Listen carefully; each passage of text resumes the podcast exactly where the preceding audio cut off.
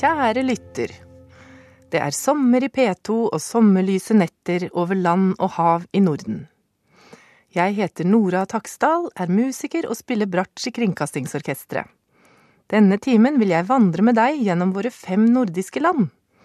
De utgjør en geografiens strykekvintett med særegne klanger. Kontrabassen er Finland med de dype skogene mot øst. Broder Danmark er godt festet på kontinentet som en cello i parketten. Sverige er kvintettens bratsj, eller altfiol, der den troner i midten og samler trådene. I de beste ensembler er annenfiolinisten enda djervere enn førstefiolinisten. Det fikser våre tøffe søsken på Island. Men kvintettens leder, selveste Primarius, er i grunnlovsåret selvsagt Norge, med egen stemme og med fem millioner stemmer. Vær velkommen med ære. Ja, slik hilste de gjestene sine velkommen i gamle dager, med sang på gårdstunet. Ved no velkomne med æra, her skal me sikkjane væra, sikkja i Guds fred, våre grannar tre. Komponist Geir Tveit samlet hundrevis av folketoner i sitt Hardanger. Her hørte vi Uranienborg vokalensemble, det lokale kirkekoret der jeg bor i hovedstaden, ledet av Elisabeth Holte. Sammen med den vidsynte og musikkelskende sognepresten Jan Oskar Utnem er de en grunn til at jeg betaler kirkeskatt med glede, selv om jeg verken er troende eller medlem av kirken. Den mangslungne komponisten Håkon Berge hadde laget denne versjonen av den gamle tonen, med moderne raffinement, i respekt for tradisjonen for vi vandrer i fortidens spor på vår vei videre. Nå graver arkeologene ut et stort skip fra 1700-tallet, som i påsken ble funnet under gravearbeider ved tollboden like ved Oslo sentralstasjon. Kjølen er elleve meter lang. De heldige utgraverne fryder seg over skinnskoene, keramikken og krittpipene om bord. Hvem kan vel ha stukket føttene ned i skoene og vandret rundt? Hva fikk de øye på i datidens by? Hva slags mat spiste de? Og hva snakket de om der de nøt sin tobakk, lenge før noen hadde hørt en motor? Men de kjente lyden av seil i vinden. Livet oppsto i vann, havet er bokstavelig talt Norges vugge.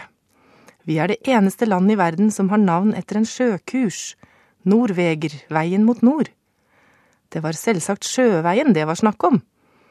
De nye båtbyggerkunstene i vikingtiden ledet direkte til Gulating ved Sognefjordens strategiske utløp, og var forutsetningen for det rettssamfunnet vi med god grunn feirer i år.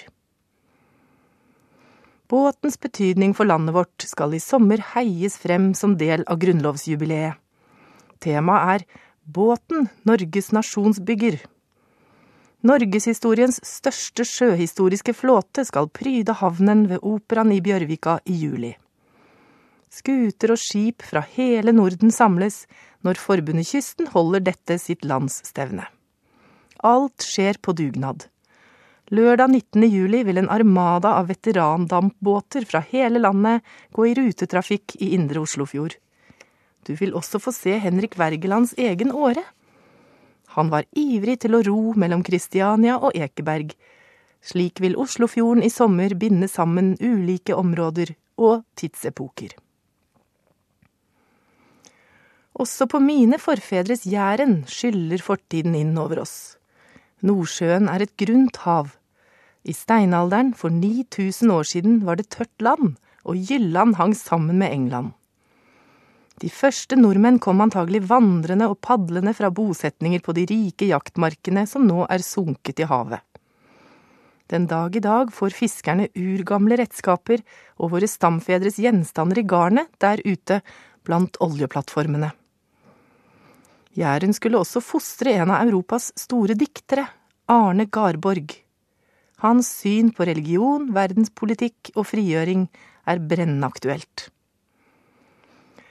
I forfjor syklet jeg til Garborgheimen på Undheim i Time, hvor dikteren vokste opp. Ved bålet i det stilrene gjærhuset satt en koftekledt bonde og leste Garborgs fortellinger høyt etter hukommelsen. Minnet får meg fremdeles til å skjelve i kroppen. Det var ord fra én stor forteller gjennom en annen. Nå skal du, hedersmann Torstein Tunheim på snart 84, få lese åpningen av romanen Fred, spesielt for P2-lytterne. Garborg bruker rytme, bokstavrim og vokalklanger, så selve teksten ruller mot oss som nordsjøbrenningene han beskriver. De som bar våre første forfedre til land. Utenfor i vest bryt havet på mot ei sju mil lang låg sandstrand, er sjølve havet, Nordhavet, bredt og fritt, ukløyvd og utømt, endelaus, svargrønt og salt kjem det inn i veldig rulling, veltande innover de vestlige himler, drevet av storstormene ifra nordisen og kanalen, kjørende sin fakskvite brimhester hvor havskodda, så skumskvalen stend, durende sin djupe evheimsorgeltone fra de øste avgrunner. Så støyter det seg mot stranda og knaser seg sunt i en hvit foss med dunn og dunk og lange brak, døyende bort i døyvt dunder. Langt ute i dette Nordhavet finner vi Island. I april 2010 var det utallige flyreisende i Europa som sto askefast. De skal være glad de ikke ble hentet med tidsmaskin til 8. juni 1783, dagen da Ragnarok inntraff på Sagaøya. I norrøn mytologi skulle endetiden komme blant annet ved at ildkjempen Surt og hans hær av flammeryttere skulle komme styrtende med sverd og ild. Samtidig ville verdens største skip, Naglfar, slite seg for å seile og la alle de kamplystne jotnene om bord slåss mot gudene. Skipet var laget av de dødes negler. Derfor var vettu folk i norrøn tid nøye med å brenne opp neglene de klippet av seg. Ingen ville bidra til å bygge Nagelfar. Men i 1783 fikk vulkaner på Island likevel djevelske utbrudd. Solen forsvant, Hele kontinentet ble hjemsøkt av giftig aske og gass. Skip kunne ikke seile. Det oppsto en kulde og hungersnød uten like. Hver fjerde islending døde sammen med de fleste husdyrene. Hver fjerde. Det er en stor del av familie- og bekjentskapskrets. En direkte følge av brødmangelen som oppsto i Europa etter vulkanutbruddene, var den franske revolusjon i 1789. Revolusjonshelten Napoleons krigføring skulle siden gjøre at hele Norden ble inndelt på nytt, og at Østersjøen ble en barriere istedenfor en fortsatt sjøforbindelse mellom allierte. Så kom ikke å si at vår lillebror, annenfiolinisten Island, er periferi. Resten av verden, derimot. Islendingenes forutsetning var å ha vidsyn, det var jo derfor de kom seg til øya. Det er sikkert også derfor at de, som få land, nesten har karret seg ut av finanskrisen på behendige måter. Nå skal vi få høre det herlige islandske språket. I Kongsspeilet fra 1200-tallet, en glimrende reiseguide, gir kongen sin sønn råd som vil ut i verden. Kongen var Magnus Lagabøte, den store norske lovgiveren. Nok en gang ser vi hvor viktig båten og havet er. Her skal jeg lese litt fra teksten, og etterpå kan du høre hvor mye islandsk du forstår. Den mann som skal være kjøpmann, må utsette seg for mange livsfarer, iblant på havet og iblant i hedenske land, og nesten alltid blant fremmede folkeslag.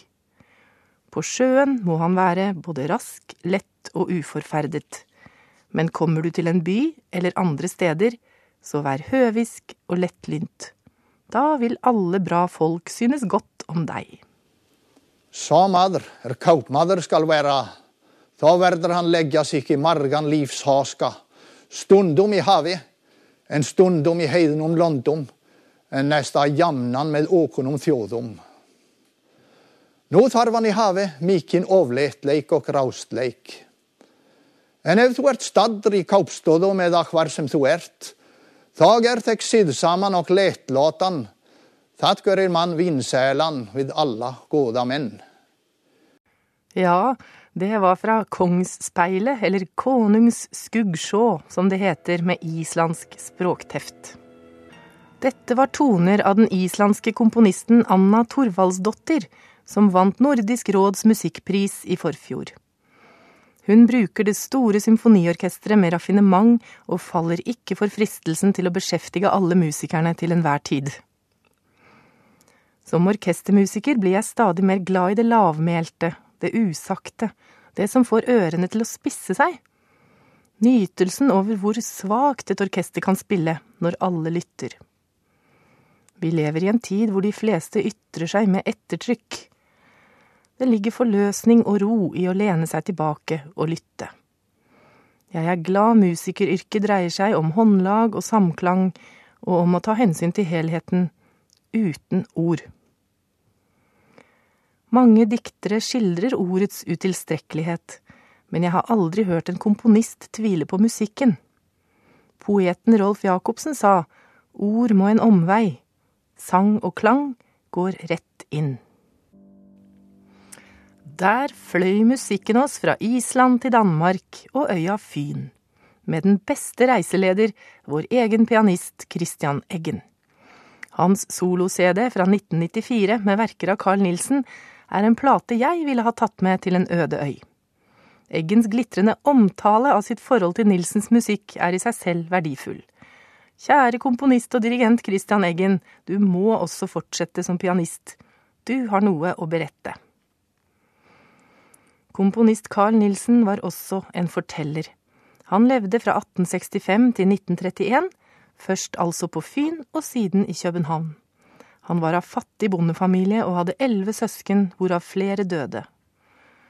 Nilsen skildrer barndommen i sin bok Min fynske barndom, som er full av lyse, lette og glade barndomsminner og innfall, men også gir innblikk i slit, strev og motsetninger, akkurat som hans musikk.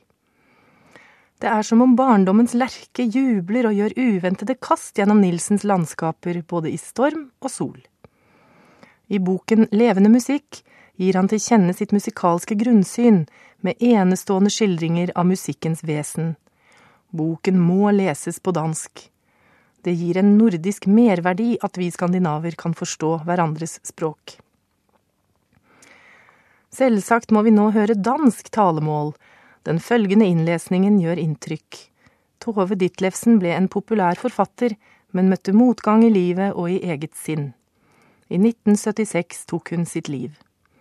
Som Rolf Jacobsen stilte hun spørsmål ved sitt eget livsgrunnlag, ordet. Vi hører et nedstemt menneske som leser. Jeg vil deretter hedre Tove Ditlevsen ved å spille åpningen av Carl Nilsens fjerde symfoni, Det uutslukkelige, en hyllest til den evige livskraft.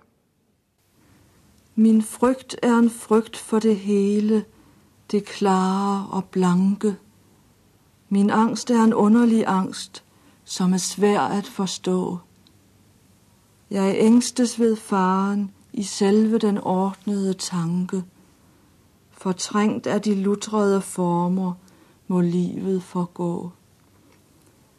Jeg frykter for ordet, det færdige, kølige, håret, der samler en verden i ramme, begrænset og goldt og dog har jeg fanget hver tøvende glæde og tårer i ordenes net, mens mit hjerte blev stille og koldt. Jeg søger de levende ord, som er nøgne og bange. De fattige ord, som blir rige i lyttende sind. Hvad skal vi med alle de skønne, forstenede sange? Jeg drømmer om digte, så lette som vinger og vind. Jeg søger de svævende digte, som ikke er digte, kun budskaber, enkle og ny, fra et hemmeligt land. Kun breve, der kommer fra noget, vi aldri tør svigte. Vår dybeste drøm, der alene er varig og sann. Carl Nilsen blir stadig mer anerkjent ute i verden, også blant publikum som ikke er vant til den nordiske urkraften. Vi kan takke dirigent Leonard Bernstein, som skrev West Side Story. På 60-tallet kjørte han sta på med Carl Nielsen i USAs beste orkestre. Han var sikker på at dansken ville anerkjennes som en av de helt store komponistene. Hurra for alle som står på for andre! Nå er det på tide å løse opp litt. Mitt første radiominne er fra barndommens kjøkken. Reis deg opp og rist løs. Her kommer Reidar Morseth med sin holdningsgymnastikk. Vel møtt, og vi kobler av. Se nå litt glad ut, da, kom og bli med. Arbeidet får vente så lenge. Finn en snau plass bort med veggen.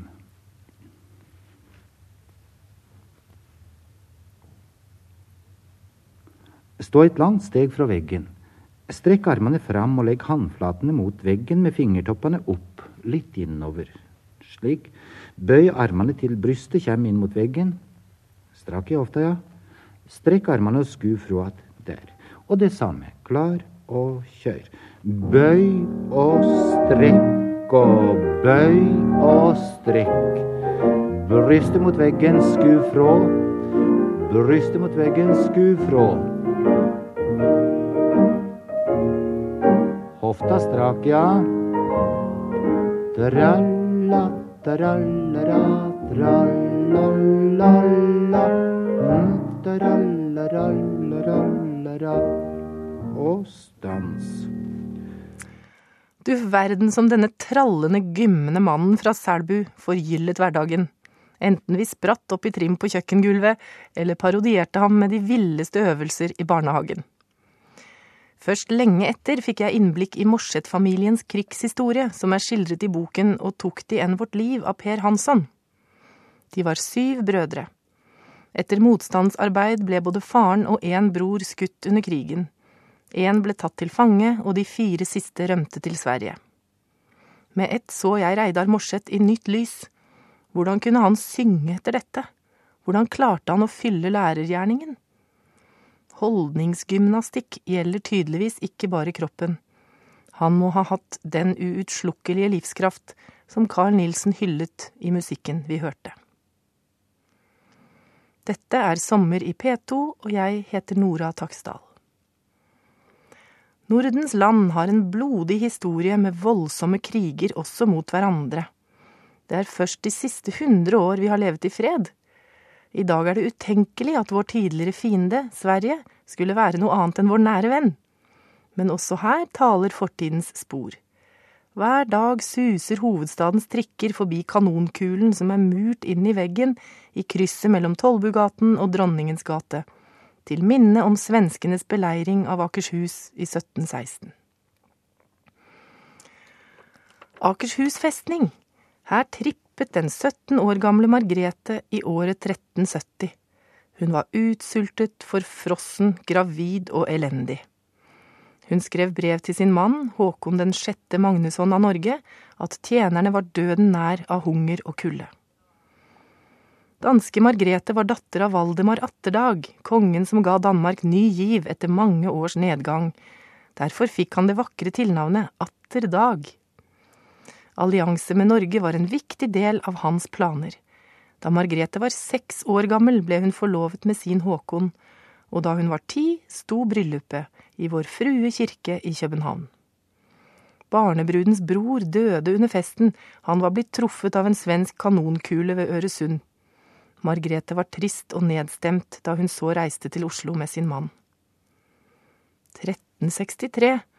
Et Norge radbrukket etter svartedauden. En ektemann som overlot tiåringen til en svensk adelsdame og selv reiste bort. Hva kan jentungen ha tenkt?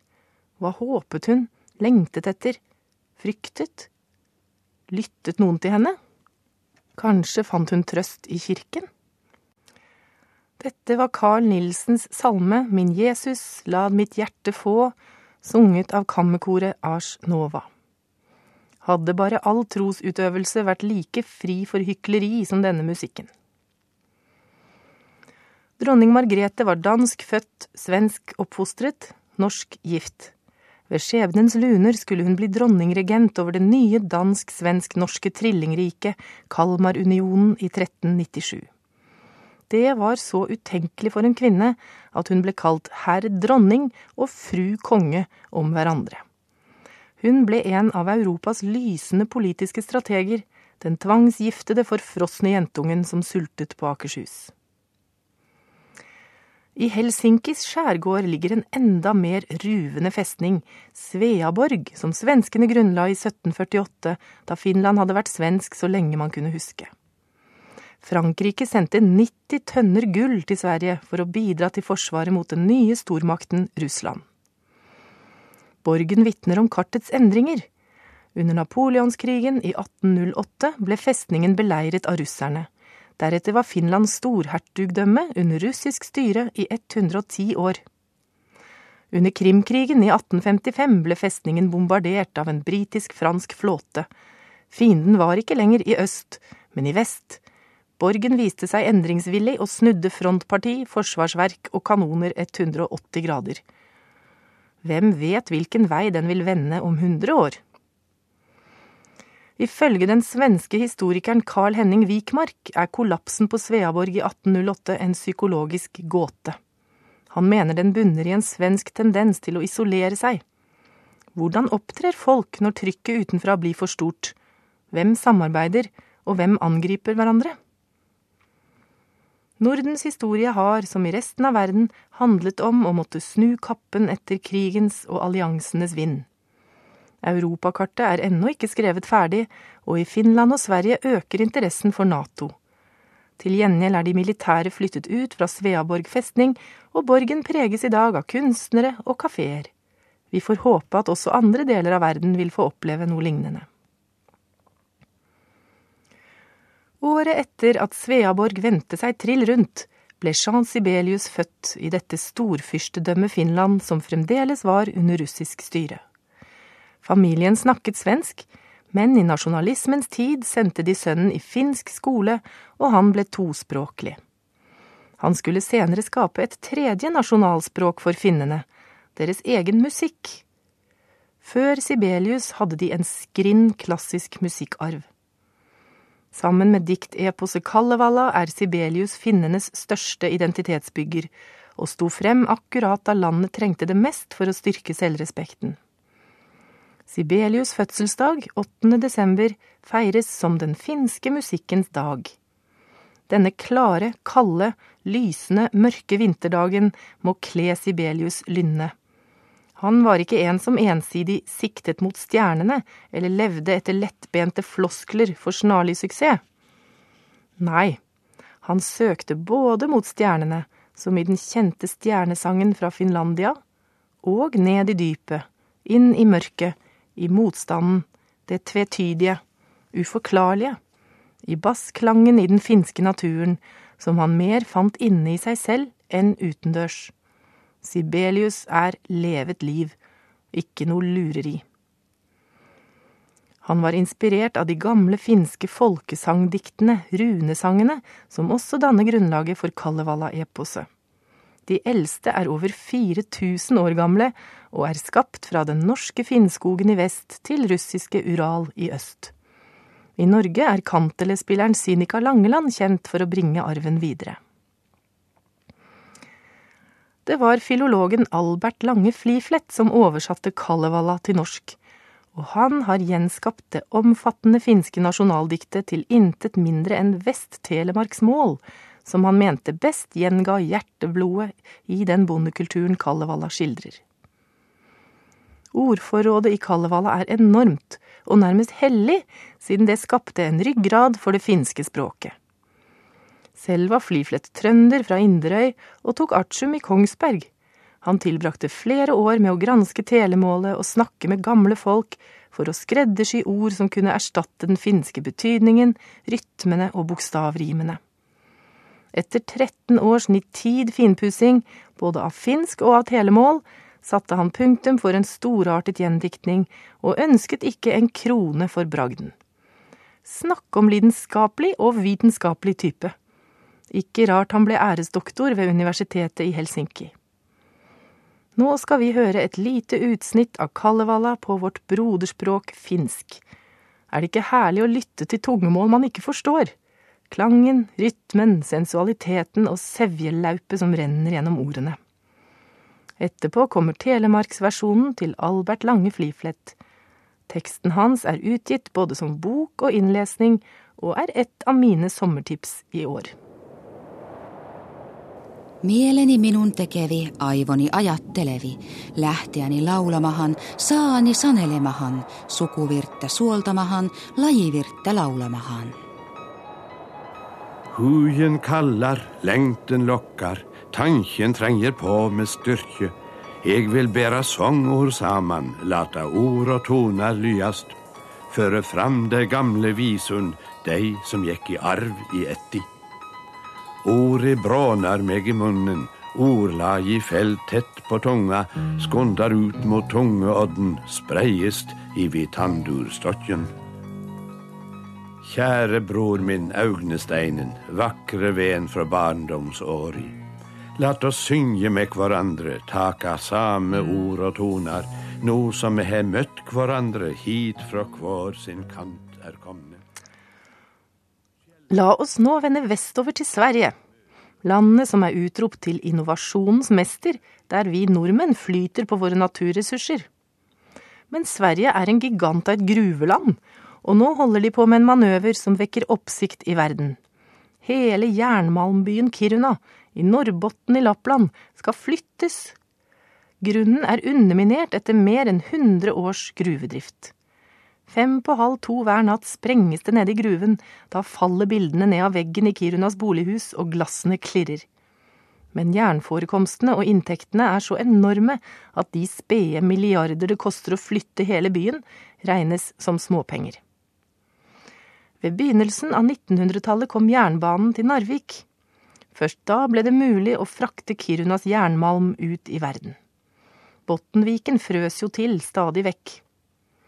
I dag fraktes mer gods med denne Ofotbanen enn med alle andre norske godstog til sammen. Rallerne, eller sluskene som bygget banen, var stort sett svenske og symboliserer industrialiseringen og moderne kommunikasjon i Norden. En ralla var en trillebår. Dem var det mange av, og de sto ikke stille. Anleggene ble egne mannssamfunn, hvor rallerne slet hardt, men også utfoldet seg med musikk og kunst, og med kvinnene som kokte maten. Kristoffer Uppdals romansyklus Dansen gjennom skuggeheimen skildrer i ti bind rallernes og arbeiderklassens fremvekst i Norge og veien til politisk makt. Uppdals eget annet jeg i romanen heter Audun og er forfatter. Verket slutter med at han og de andre hovedpersonene samles og samtaler nettopp ved foten av Akershus festning, nesten 600 år etter at vår Margrethe hutlet seg rundt der oppe den gang Norge var et bondesamfunn. I Kiruna gruve hentes det hver dag så mye malm at svenskene kunne ha bygget fire Eiffeltårn hver dag. De kan takke Kina for etterspørselen og de høye jernprisene. Markus Petejenjemi, markedsdirektør i gruveselskapet LKAB, sier det slik. Kiruna er som et Norge i miniatyr. Byen merker ikke nedgangstidene, den tilbyr ledige stillinger, og husprisene er høye. Kiruna kirke er et kapittel for seg. Lappland er nettopp et lappeteppe av samer, svensker, finner og tilhengere av den konservative kristne sekten lestadianismen. Kulturen forfatteren Mikael Niemi beskriver i sin glimrende, bisarre og dype roman Populærmusikk fra Vittula, som ble en bestselger på 2000-tallet. Les den om igjen på svensk. Jeg har selv holdt konsert i Kiruna kirke. Den er et praktbygg, laget etter inspirasjon av samenes telt. Kirken skal være for alle, og det eneste kristne symbolet er et lite trekors ved alteret. Kiruna kirke er kåret til Sveriges vakreste bygning gjennom alle tider. Altertavlen, et lysende landskapsbilde, er malt av den svenske prins Eugen, som var en stor kunstner i likhet med flere av Bernadottene. Han var sønn av Oskar 2., som var konge over Norge og Sverige. Tro kan flytte fjell, og ingeniører skal nå flytte kirken, mens den henger intakt i én del. Det bør iallfall kringkastes minutt for minutt. En svevende, enorm og maktesløs tømmerkatedral over Mammons sorte underverden, gruven, som nå skal utvides langt inn på beiteområdene til samenes reinsdyr og avskjære trekkleden mellom sommer- og vinterbeite. Norden, en kvintett med ulike tonehøyder, klangfarger og forhistorier, men nettopp derfor et rikt ensemble med store muligheter. Fra Norges fjell, fonner og fjorder og innsjøer, som vi har langt flere av enn finnene, via Danmarks og Carl Nielsens flate jorder til Islands vulkaner og varme kilder. Dobbelt så langt unna oss som Skottland. Fra Sveriges jernmalm og vidder til de finske skogsdyp. Det gir den nordiske merverdi at våre land står hverandre nær. At vi deler historie med gode og bitre erfaringer. At vi forstår hverandres lynne, språk og kunst. At vi deler grunnleggende livsanskuelser at våre sønner og døtre kan vokse opp i fred og ha muligheter til å gjøre valg og bidra til fellesskapet. At vi vil hverandre vel. Jean Sibelius ville ha frydet seg over det musikkliv som er vokst i hans fotefar. Jeg ønsker å avslutte denne nordiske glideflukt med slutten av hans siste symfoni, den syvende. Dette var noe av det siste han skrev før han lot stillheten tale de siste 30 årene av sitt komponistliv. Vi hører det finske radioorkesteret, ledet av norgesvennen Jukka-Pekka Saraste. Jeg ønsker dere en god sommer i P2 og i Norden. Takk for meg. Hør flere podkaster på nrk.no podkast.